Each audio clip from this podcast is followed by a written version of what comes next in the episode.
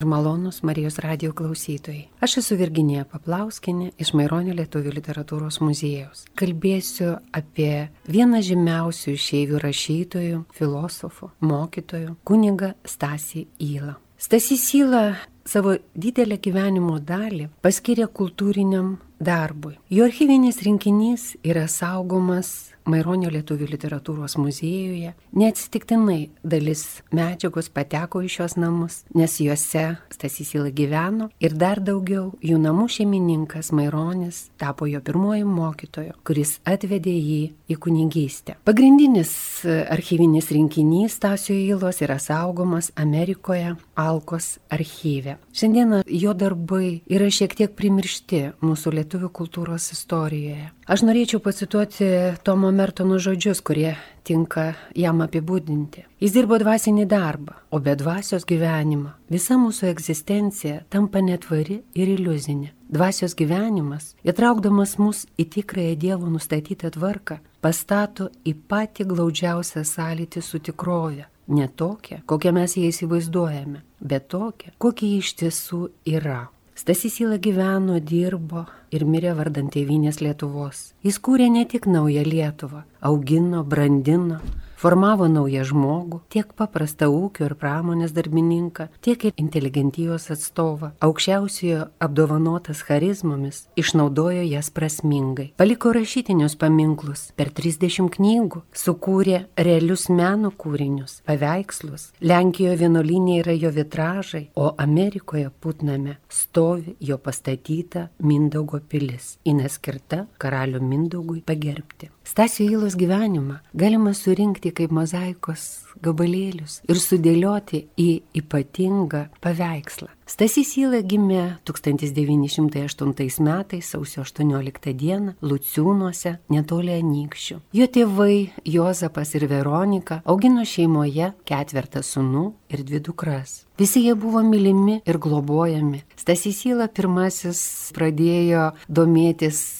literatūra, skaityti. Ir aišku, tie universitetai buvo, kaip ir daugelio kaimo vaikų, ganimas.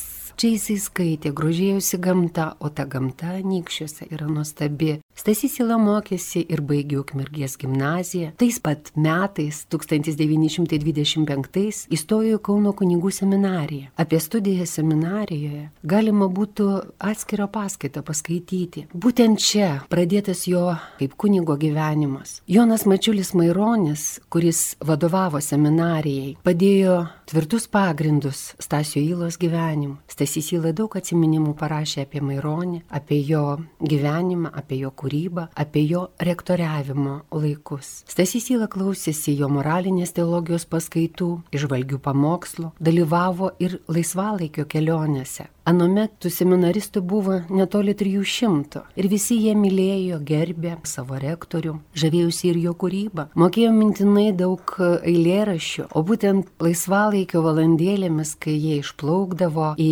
keliones laivu, klerikai sustoja dainuodavo bisogno dei. Cituoju iš Stasio Įlos atsiminimų. Maironio dėka brendo nauja kunigų karta, besirūpinanti ne tik krikščioniškojo, bet ir pasaulietiško, socialinio, kultūrinio gyvenimo apskritai. Mokslai seminarijoje subrandino Stasį Įlą kaip pilnutinę asmenybę. 1932 metais arkivyskupas Kvereckas suteikė Įlai kunigystės sakramentą. Įla toliau tęsė studijas Vytauto didžiojo universitete, klausėsi pedagogikos ir psichologijos paskaitų ir tuo pat metu Marijos Pečkauskaitės gimnazijoje ėjo kapeliono pareigas. Gabiam studentui buvo pasiūlyta vykti į Grenoblį, tobulintis, siekti mokslų. Čia gyvendamas Prancūzijoje jis taip pat apsilanko ir Belgijoje. Jam atsivėrė platus vakarų Europos horizontai. Jis iš arčiau stebėjo intensyvų kultūrinį, socialinį, politinį ir krikščionišką gyvenimą.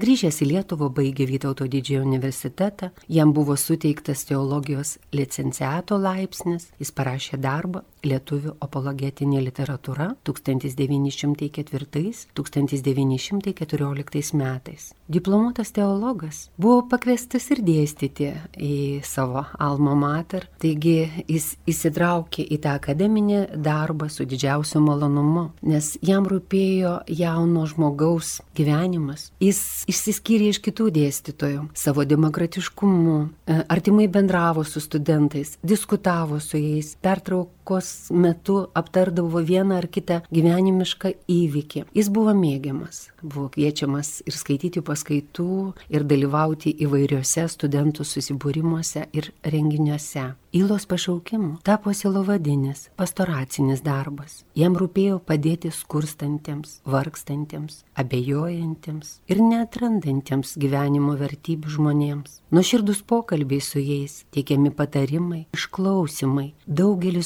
sugražino į teikėjimą, daugelį suteikė vilties, na, arba prikėlė naujam gyvenimui. Ila buvo vienas iš pastoracinės teologijos atnaujintojų Lietuvoje. Iš vakarų Europos parsivežė ne tik naujų pastoracijos metodų ir idėjų, bet ir gyvą tikėjimo ugnį. Jis tapo profesoriaus Šalkauskio pradėto gyvosios dvasios sąjūdžio vienu artimiausių bendražygių. Subūręs bendraminčių kunigų grupelę, kuri trečiadieniais rinkdavosi jo kambarį Maironio namuose, nes anuomet jis įgyveno Maironio namuose. Čia susirinkę kunigai diskutavo apie pastoracijos atnaujinimą ir grupelės nariai rašė savo tekstus ir skelbė tiesos kelyje. 39 metais Įlai išleido knygą Siauroji ir pilnutinė krikščionybė, kuri atskleidė, kad Lietuvoje brendo ekumeninė arba atvirosios krikščionybės dvasia. Autorius ir buvo vienas iš pirmųjų ir svarbiausių tos dvasios žadintojų. Didelį darbą Stasys atliko atliko ir spaudos baruose, nes jis aiškiai suvokė, kad žodis tai yra priemonė. Priemonė išsakyti, išreikšti savo nuomonę. Na, o rašytojo žodis yra taiklus ir taikus ginklas kovoje su blogiu. Todėl jis daug rašė. O tų tekstų iš ties yra išlikę gausybė. Jis svarstydamas e, konkrečius tautos pastoracinius reikalus išleido tokias knygas pasiryžėliai ir laimėtojai, laisvamanybė Lietuvoje, laisvės problema, krikščioniškos ir naujoviškos pasaulyje žiūros šviesoje, krikščionybės įvedimas Lietuvoje, pastoracinės teologijos kursas, kaimas ir miestas šių dienų pastoracijoje. Taip pat jis įkūrė ir pieses, štai tokios piesės, kaip Būk jo angelų, sargo, aš nenoriu jurgio. Daug knygelių yra skirta ir jaunimui, jaunos kartos auklėjimui. Tai tokie leidiniai kaip priešmokyklinis auklėjimas ir vaikų darželiai, mergaičių pasaulis, dabarties žmogus. Stasys Įla buvo ir vienas iš e, narių, kurie prisidėjo prie laikraščio 20-ojo amžiaus išleidimo. 1933-34 susibūrė Ivinskis Maceinas, Ambrazevičius Brazaitis, e, Grinius Delninkaitis ir pats Įla kalbėjo, kad reikalingas katalikiškas laikraštis. Ir štai 36 metais įkurtas 20 amžius. Pavadinimą sugalvojo šiam laikraščiui Stasys Syla. Redaktorius tapo Prunskis, o su jo redakcijoje dirbo ir visi suminėti kultūros veikėjai. Produktyvų, kūrybingą darbą sutrukdė pirmoji sovietų okupacija. Taip pat įsibrovė į Lietuvą, jie parodė savo tikrąjį veidą. Prasidėjo inteligentijos persiekimai ir jos naikinimas. Daugelis nepriklausomos Lietuvos ministrų buvo suimti, įkalinti ir ištremti Sibiran. Okupantams kėlė grėsmę plačių pažiūrų, giliaminčiai, intelektualai, mylintys ir branginantys savo tėvynę Lietuvą. Todėl su jais jie ir siekė susidoroti. Stasys Ila ir kiti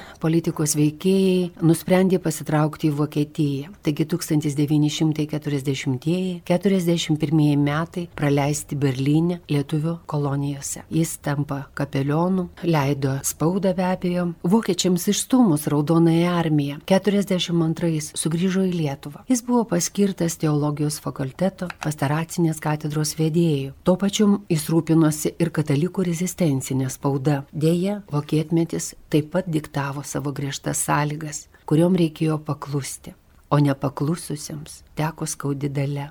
Štai 1943 metais, kovo 16 dieną, Ila suimamas Kauno politinės policijos ir atsiduria tarp 46 Lietuvos intelektualų kuriems hitlerinė saugumo policija ir saugumo departamento Lietuvoje viršininkas pasirašė verdiktą. Pacituosiu. Vadovavo lietuvių pasipriešinimo judėjimui, ypač prieš Reicho komisaro paskelbtą lietuvių tautos mobilizaciją, Ostlando saugumo policijos ir SS vyriausiojo vado įsakymu, suderinus su aukštesniuoju vadu, jis siunčiamas tolesniam laikui į Reich esančią koncentracijos stovyklą. Taigi toks griežtas verdiktas. Žmogus siunčiamas į pragarą. Visi suimtieji buvo išvežti iš Tuthofo koncentracijos stovyklą, kur praleido dviejus žiaurius, totalaus nužmoginimo metus. Tačiau ir tokiamis sąlygomis Stasys Ila vykdė savo misiją. Jis gelbėjo tevinainius atsidūrusius šiame pragare, palaikė ir stiprino jų dvasę. Kantriai, stoiškai prieėmė iššūkius. Kaip ir kiti ištrimti, dirbo sunku fizinį darbą. Sulaukdamas ir patyčių, smurto, Stasys Ila kūrė maldas, rašė eilėrašius. Žodis glaudėsi prie žodžio, spurdėjo širdyje, lėjusi ant popieriaus. Jis slapta pravesdavo maldas, kalbėdavo rožinį, o vėliau abu su kunigu Alfonsu Lipniūnu, kuris taip pat buvo kartu ištrimtas, aukodavo šventas mišes, tik slapta. Stasys Ila sunkiose gyvenimo sąlygose bandė išlaikyti žmogiškumą. Kiekvieną vakarą atsigulęs kalbėdavo maldas, tarsi šaltinio gaivinantis vanduo buvo tos maldos. Balis Ruoga, kuris taip pat čia kalėjo, negalėjo patikėti tų maldų tikrumu, jų žmogiškų, skausmingų jaudulių. Apsuptas vieną kartą šoko iš lovos, užsidengė rankomis veidą ir pasakė, jeigu daugiau būtų tokių kunigų kaip jūs, tai aš būčiau vienas oliausių krikščionių. 1945 metais, kovo 12 dieną, Stasys Hyla kartu su kunigu Liepniūnu ir grupelė kitų kalinių buvo išvesti iš koncentracijos Študhofo kaceto ir vedami neva į kitą vietą. Paliegi, lygoti, alkani, judėjo kaip šešėliai. Kunigas Liepniūnas šioje kelionėje mirė. Stasys Hyla atsilaikė. Jo silpname kūne regimai turėjo būti nuostabiai gai ir tvirta dvasia. Prisimindamas anos žiaurius metus, jis parašė knygą Žmonės ir žvėris Dievų miške. Ši knyga buvo išleista 1951 metais. Tai viena stipriausia kacetinės literatūros knyga. Ši knyga laikoma memoarinė. Ji išleista pirmiau nei Balios rogos knyga Dievų miške. Ši knyga Žmonės ir žvėris tapo pirmasis dokumentas apie įkaitų už Lietuvos laisvę likimą. Knygos įžangoje Stasys Ila rašė, sunku kalbėti apie buvusias spigliuotas tvoras, žmogus lieka jautrus tam, kas išgyventa. Dar sunkiau kalbėti apie žmonės, kurie už jų buvo, o ten buvo žmonės. Žmonės žvėrių rankose. Žvėris norėjo juos sunaikinti, bet jų dvasia nesidavė priveikiama. Knyga ne tik asmeniniai pergyvenimai, bet ir gili psichologinė kančios bei nužmogėjimo studija. Ši knyga mus veda per kančią į prisikelimą. Atsakydamas į 1968 m. tėviškės žiburių klausimus apie tą knygą, jis rašė, cituoju, man kaceto reikėjo, kad išmokčiau to, ko jokiose mokyklose negalima išmokti. Be kentėjimų žmogus nepajustum tikrovės, nerastum savo vietos gyvenime, nežinotum vertybių gradacijos. Dėl kenčiančios tautos mažiausiai baiminčiausi, daugiau dėl laisvėje esančios jos dalies, nes čia be didesnių bandymų ir smūgių galima greičiau susmukti. Tikiu savo tautos gajumu ir atsparumu, kaip tik dėl to, kad ji buvo daug kartų sunkiai ir skaudžiai bandyta. Jis išvardyja ir Maskvos, ir Švedijos karus, jis išvardyja Muravjovo 1863 metų sukilimo dalyvius ir pasakoja apie jo jos. Taip pat Stasys Yla kalba ir apie stalinizmo, komunizmo ir sovietinės okupacijos bei deportacijos smūgius mūsų tautai. Tačiau baigdamas jis tvirtina, mūsų tautos ateitis gal niekad nebus saugi, kas kelinton karton reikės sukaupti jėgas kančiai. Vien dėl to mes tapome ar išlikome didžia jėga Europoje. Bet mes turime dvasinių vertybių daugiau už didžiuosius. Mes daug ko išmokome, o svarbiausia, įgyjome tiek atsparumo, gajumo, drąsos mirti ir gyventi, save ginti ir galėtionus pabauginti, kad niekas tikiu šventai nebeištrins mūsų tautos vardo iš pasaulio istorijos. Stasys Sila tikėjo savo tautą ir jos darbais. Ištrūkęs iš Tudgofo stovyklos, jis e, pateko į Lenkiją ir buvo Placufkos vienuolynė prie Varšuvos kapelionų. Vėliau išvyko į Vokietiją, įsitraukė į lietuvių tautinės delegatūros darbus, buvo patarėjas pastoracijos reikalams ir spaudos skyriaus vedėjas, leido žurnalą Aukos, Liuks Kristi, bendradarbiavo žurnaluose Aidai, draugas, įsitraukė į lietuvių rašytojų tremtyje draugiją, dalyvavo pirmame suvažiavime ir 1946 metais tame suvažiavime Tübingene įskaitė paskaitą. Kančia ir meilė. Rašė eilėraščius. Vienas iš eilėraščių De Profundis yra atspausdintas tremties meto almanache. Laiškė Stasiui Santvarui, rašytojų draugijos pirmininko, jisai rašė, cituoju, Mielas Stanislovai, siunčiu De Profundis. Na, dar kažkiek pataisęs. Daugiau su tuo jūsų nebežadu varginti. Jūs, beglobodami jauna plunksnius, jau ir taip savo daug sunkumų pridarėte. Na, o mano mėginimai vis dėlto yra atsitiktiniai ir įsimaišymas į kuriančiųjų tarpą atrodo nepateisinamas. Duonos iš to tikrai nevalgysiu, o rašinėt pradėjau tik todėl, kad kitko nebuvo galima daryti. Kai vėl grįž gyvenimus į normalius laikus, manau, darbų bus per akis. Taigi, eventualiai, nesivaržykit išjungti tos mažmožius iš tos visos almanachinės medžiagos. Vokietijoje jis parengė ir išleido savo poezijos rinkinį, pirmąjį rinkinį, kuris vadinosi Sutriptame kelyje. Šis rinkinys yra ypatingas ir ant knygos viršelio užrašytas jo Štutgofo stovyklos numeris. Nes Štutgofo stovykloje nebuvo šaukiami žmonės vardais ar pavardėm, o tiesiog buvo užrašyti numeriai ant jų kasetinių rūbų. Ši poezija yra tikrai skausminga. Vartant tos lapus, skaitant tos žodžius, tikrai patiri visą siaubą ir visą skausmą, kurį teko patirti mūsų kaliniams. Aš paskaitysiu keletą eilėraščių iš šio rinkinio. Sutriptame kely, kaip smilkos pakely, sutriptos verkia dienos ir mintis lik drugiai, mirties paunksmiai plasda, o ilgesiai nemaldomas, tu saulėtų namų vijoklį, kada padangiant šiaurės gražinsi mano vargą, smiltysna, grūdas nenubirs. Ir ašara nevirs rasa, o kraujas, rašomas veide, išdžius šaltekšnio uogom. Tvirtybės šaukėsi kažkas ties kartuvių kabliu ir nerimas, lik budelio balsu, neliauja šaukęs Dieve. Kaminas, kas ryt, kai pakelė akis, tik vieną bokštą vis regi, ar saulėta, ar dar gana niuri, tik jį, tik jį regi, pratysta dūmų vėliava, juodų šešėlių pro tave ir krinta iš po jos maži, juodi žiedai, veidan pažįstami, savi žiedai ir kazė, zigma pamatai išeinančius kažkur toli į laisvę, į namus dausų šaly, kas ryt, kai pakelė akis, išauganti į dangų įrėgi, ar saulėta, ar dar gana niuri, savos eilės, vis lauki ten pro jį.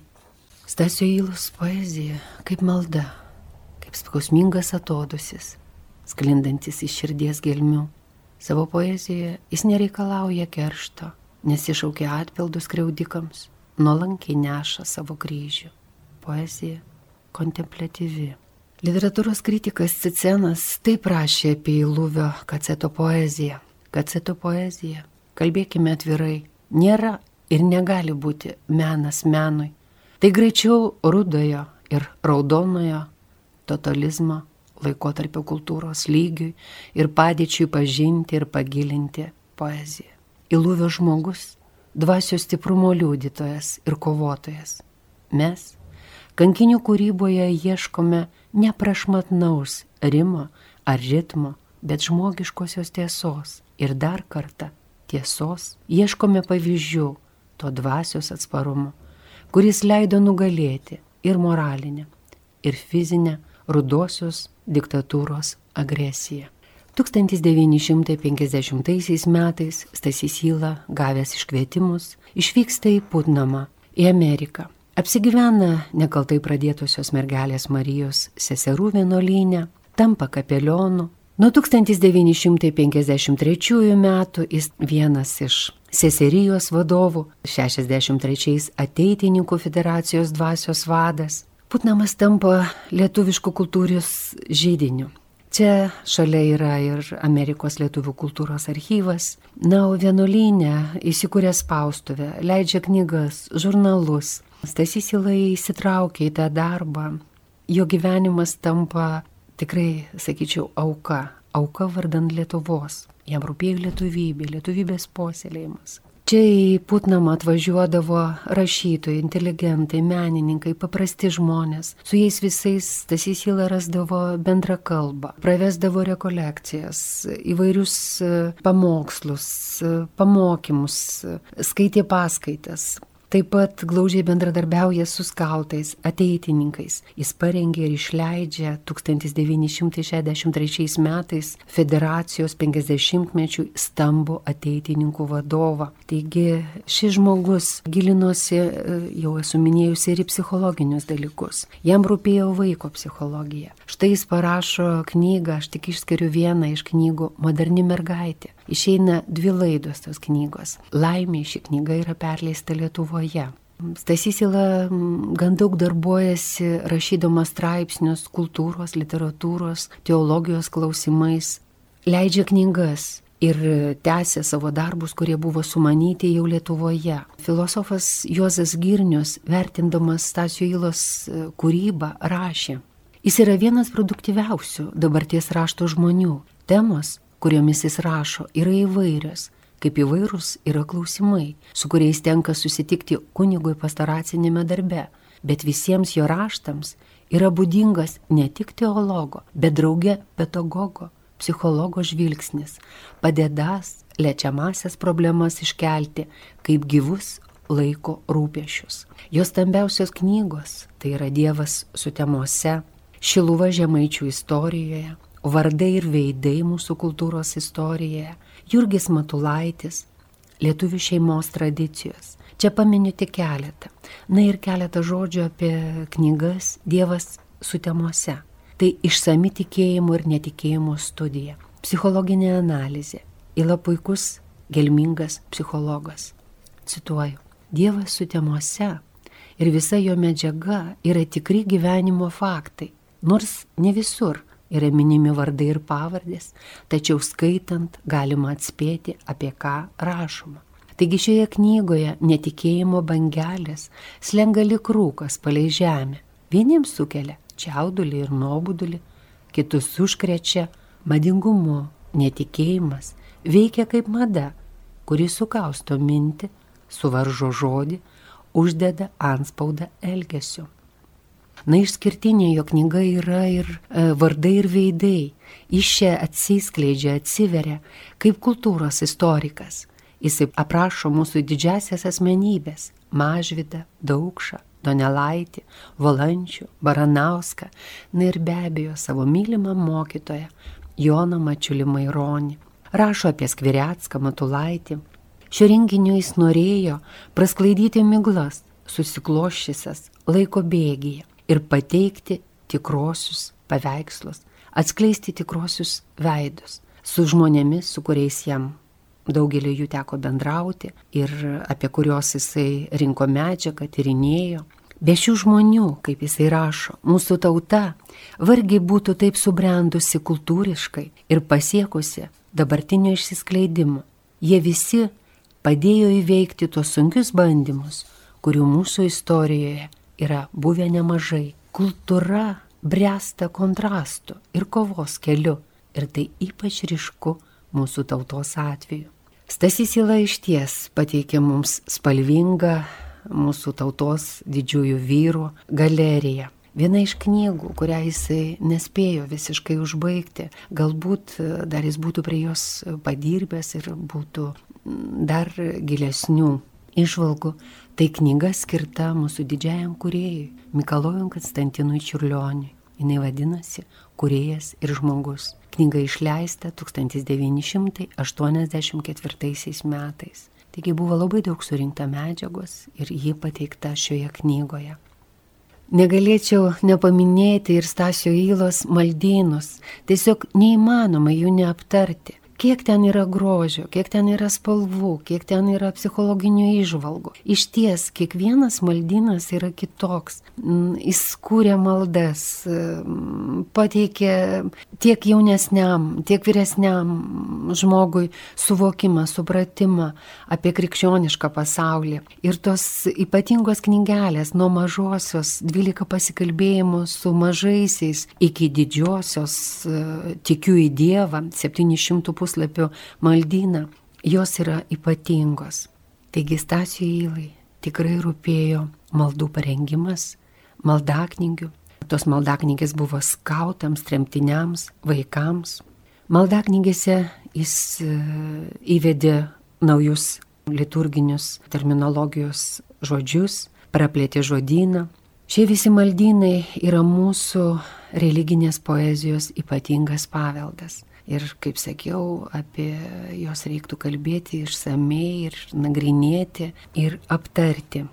Jo maldose e, mes jaučiame tautinius motyvus. Aktualios temos šeimai, visuomeniai, nepaprastai gražus jo sakiniai, taiklus žodžiai, pošnus liturginis stilius. Ir šie maldynai iš ties pagavo inteligentijos studentų širdis. Mm, jie buvo paveikus jis paveikė ir daugelį seminaristų, kunigų, savo rašytinę kūrybą, savo pamokslais. Ir putname jaunimas, kuris semdavosi iš jo kiekvieno žodžio, patarimo. Ir jo dėka mes turėjom ir kunigą Amrividą Žygą, kuris buvo Stasio Įlos mokinys. Na ir daugelį ateitininkų subrendo būtent jo globoje. Jis vienas pirmųjų Dainavo stovykloje pradėjo atnašauti šventas mišes laukia, miške, taigi daug darbo atiduota jaunimui brandinti, kurti ir įskiepyti lietuvybę. Negalima nepaminėti ir Stasio Įlos kaip menininko, dailininko, kurėjo. Štai nuvažiavę į Lenkiją, į Placuvkos vienuolyną, kuris yra netoli Varšuvos, mes ir dabar galime pamatyti jo sukurtus vitražus. Išėjęs iš koncentracijos stovyklos, jis nusprendė įprasminti savo egzistenciją ir per meną išreikšti savo jausmus. Cituoju jo žodžius. Suplanavau brėžinius ir pradėjau darbą. Piešiau lietuviškus vaizdinius. Viename lange atsirado rūpintojėlis, antrame vitis, gedimino stulpai, vyčio kryžius. Seselėms tai patiko. Jos prašė pagražinti koplytėlę ir prierengio langus. Ta ir padariau. Visa tai buvo tik žaismas, nemokėjau valdyti teptuko ir nesitikėjau išmokti, tačiau noras bandyti buvo didelis. Iš tikrųjų, domino ne vitražai, ne vaizdiniai, žmogaus veidas. Vienolinė atsirado noras sukurti kažką didingo, neįprasto ir pradėjau piešti šventųjų veidus. Stasys Sila ėmėsi to nepaprasto darbo, jisai sakė, ir man buvo gera būti arti Kristaus piešti netobulas rankas, čia pat melstis ir net atsigulus žvelgti į Kristaus didelės akis ir praskėstas rankas, aktos dieviškos rankos, kurios siekia apglėpti kiekvieną kūdikį. Savo knygoje dabarties žmogus jis įrašo tokius žodžius apie meną. Menas, taip, jis turi kažką širdį gaivinančio, dažais, kaltų, vaidyba, akordais įkūnytas grožis. Kiek džiaugsmo, paguodos, nusiraminimo įsteikia gyvenimo vargu sujauktai dvasiai, kad ir tas pats gamtos grožis. Juk pabuvoti gamtos prieglopsti yra nuostabu.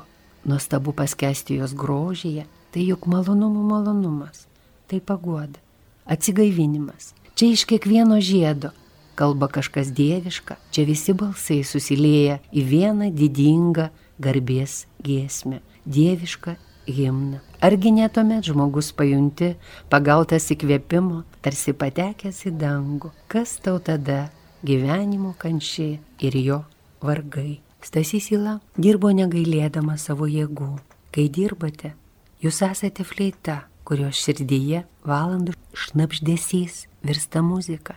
Mylėti gyvenimą dirbant, tai priartėti prie giliausios gyvenimo paslapties. Visas darbas bevaisis, jei nėra meilės. Darbas tai meilė tapusi matoma. Taigi Stasio Įlos gyvenimas tai buvo jo meilė, skirta mums esantiems šioje žemėje.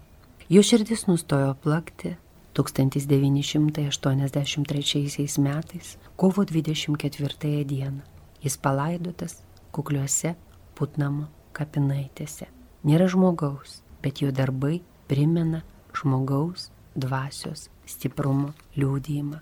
Po jo mirties seselės vienolinė rado jo poezijos knygą, kuri buvo parengta, bet neišleista tarsi žiedą, atminties žiedą, seselės parengė ir išleido knygą Tylos liturgija. Taigi keletas eilėraščių iš šios knygos. Žodis. Žodis lapuose, želmenį, širdį, lakštingalos gesmiai, motulės poteriuose, tėvo laikrodį, žodis dainoj, raudo, švilpesy, drobės raštuose, granito brėžiniuose, paveikslo dažuos. Žodis ekstazijai, agonijoje, tylo, delfino šolyje, žuvėdros kliksme, balandžio pervertų į širdį, žodis erdvėjai, gelmiai berybei, lėktuvo sparnuose, telefono vėloj, radio bangoj, žodis išklydęs, paklydęs, suklupęs, eidžiuose, kryžiuje, žemėn sugrįžęs, žodis, tylos liturgija, gesta žvakė, blėsta šventi veidai, pėdos neliečia grindinio, rankos altorius, piliorin glaudžiasi nerimas, šventoriumis lankioja šešėlį, vėlyvą naktį, grįžta kuždesys, šnapžda maltos iš altorių, iš stacijų, nuo piliorių, šventieji siluetai, sklaido apie gyną, tęsia pakaitom, tylos liturgija. Vienas iš didžiausių jo meno kūrinių, kurį jis sukūrė savo rankomis, tai buvo Mindaugo pilis, skirta mūsų Mindaugo karaliaus karūnavimo 700 minėjimui. Jis sumastė, kad reiktų iš tų rėdulių, kurie buvo aplinkui, surinkti ir pastatyti tą pilį. Buvo didžiulė pastatyta pilis ir dabar jinai stūkso putname. Pilį statyti padėjo daugelis skautų ateitininkų. Buvo įtraukiami ir kunigai, kunigas Antanas Paškus pasakojo, kaip negailėdamas laiko jėgų ir sveikatos, abu su Stasiu įlu tiesiog tos riedulius e, traukė, nešė, vežė ir dabar nuvykę į Putnamą, iš ties jūs pamatysite įstabų renginį Mindaugo pilį. Dailininkė Kažubienė sukūrė ypatingus vitražus, kurie įdėti į tos pilies sienas. Užtrauks,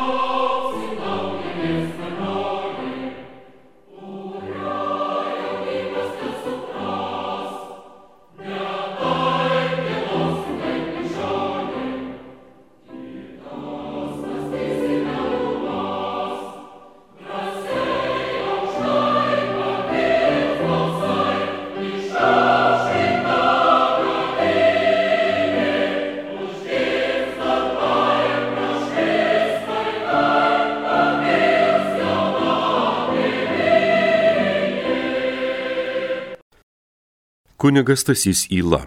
Žmogus blaškosi tarp dviejų polių. Kaip diena ir naktis, kaip šviesa ir tamsa skiriasi vienas nuo antro, taip skirtingi gėris ir blogis. Vienas pilnas kažkokio žavesio, džiaugsmingo žaismo, kitas kažkokio nikumo. Vienas prieš antrąją stovi kaip du poliai ir kovoja vienas su kitu kaip nesutaikomi priešai. Tačiau šilko gyja paženklintas pereimas nuo vieno prie antro. Pamažu, kaip aušra, išryškina mumise gėrio pradus.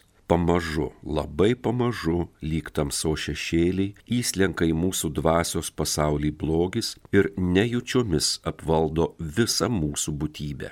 Blogis būna kartais žavus, kaip vakaro sutema, kaip nakties tamsuma traukia, kaip perkūnijos siautėjimas vilioja išbandyti savo drąsą. Ir žmogus susigundo. Tik jo akis ilgai nepakelia tamsos ir jo ausys griaustiniu žmogus ima ilgėtis giedros ir rimties. Ir šitas ilgesys, tarsi kokia rytmečio žara, išauga žmoguje ir gražina jį saulėtai dienai. Taip eina jis iš šviesos į tamsą ir vėl grįžta iš tamsos į šviesą. Ir keičiasi žmogaus dvasioje geros ir blogos nuotaikos, tarsi dienos ir naktys. Žmogus blaškosi tarptų dviejų polių - meilės ir neapykantos, tiesos ir melo, atlaidumu ir kerštu, susižavėjimu ir pasibjaurėjimu. Tokia yra žmogaus tikrovė. Mes sakom, žmogiška tikrovė. Juk tai įprasta žmogui, taip žmogiškai įprasta sviruoti tarp vieno ir antro. Ir būtume mes visai patenkinti šitą savo padėtim, jei ne balsas, kurį kažkada mes esame išgirdę. Tu nesi sviruojanti nendri dviem ponams tu negali tarnauti. Arba, arba. Prieš tave stovi gėrio viešpats ir melo tėvas. Už vieną ar antrą turi apsispręsti. Pastoviai, neatšaukiamai. Tai žmogus supurto. Apsispręsti visų gyvenimu? Ne, šis reikalavimas skamba rodos nežmoniškai lyg norėtų iš mūsų padaryti nebe šio žemės būtybėmis, sugriauti mūsų tikrovę, padaryti iš mūsų nežemiškas būtybės, taigi žmogaus prigimtyje yra dvilipumo. Palinkimo į blogį neišbrauks iš žmonijos būties, bet mes pažįstam savo prigimtį, dalinę prigimtį. Ji skirta gėriui, ji tik jame te randa galutinį pasitenkinimą. Sviruoti, kaip nendri žmogus pats nenori tarsi pažeminti jį kas norėtų. Kamgi jis plaktų, kurie blaškosi į kairę ir į dešinę. Jis nori aiškumo, jis pats savo statų sąlygą arba arba. Taip balsas iš anapus, Dievo ir žmogaus Jėzaus Kristaus balsas nėra mums svetimas. Tai yra ir mūsų pačių balsas, mūsų tauriosios prigimties. Šis balsas tai kvietimas, kuris nori mus išvesti į pastovaus gėrio kelią. Per gerai mokytojas pažįsta blogio trauką, kad paliktų mus neįspėjęs. Budėkite, piktas suks apie jūs, stauksit liūtas, kad jūs pavergtų. Kaip vilkas ateis persirengęs nekalto avinėlių kailiu, kaip pranašas prabils skambių žodžių, kaip plėšrūnas apgaulingas žiburys vilios aukas. Blogis visuomet bus įtaigus, gudrus ir piktas.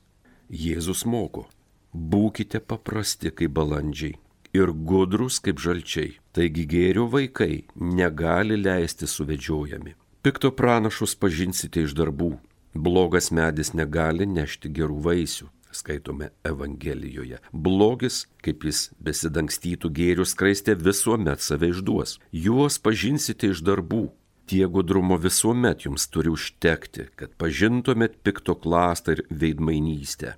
Bet atsispirti jo pagundai nenumaldomai atakai nebus lengva. Oi ne, reikės melstis, stiprybės Dievo jėgų prašyti ir veikti. Į kietą tėvo valią atremti savo valią, į dangaus karalystę įeiti neužteks vien maldos. Ne kiekvienas, kuris sako viešpats tie viešpatie, įeis į dangaus karalystę, tik tie, kurie vykdo mano tėvo valią. Taip, žmogui einančiam gėrio keliu reikia trijų dalykų - būdėti, melstis ir veikti. Būdėti šviesiomis atviromis akimis eiti per gyvenimą, atviromis akimis viską matuoti, ne tik savo, bet ir Dievo akimis kontroliuoti savo žodžius ir mintis. Melstis savo taurius jausmus kurstyti, žavesio grožiui neprarasti, meilės, gėriui, pasibjaurėjimo, piktuoju ir jo darbais, malda, bendravimas, mūsų jausmų atvirimas Dievui, veikti, verštis pirmin, valios jėgas įtemti kartu su veikiančiu mumyse Dievu. Niekas nepasidaro savaime, reikia save priversti. Dangaus karalystė jėga puolama. Tai nėra lengva, per gerai žinome. Bet tai verta žmogaus, naujo idealaus žmogaus, tokio, koks jis turi būti, kokio norėjo kūrėjas.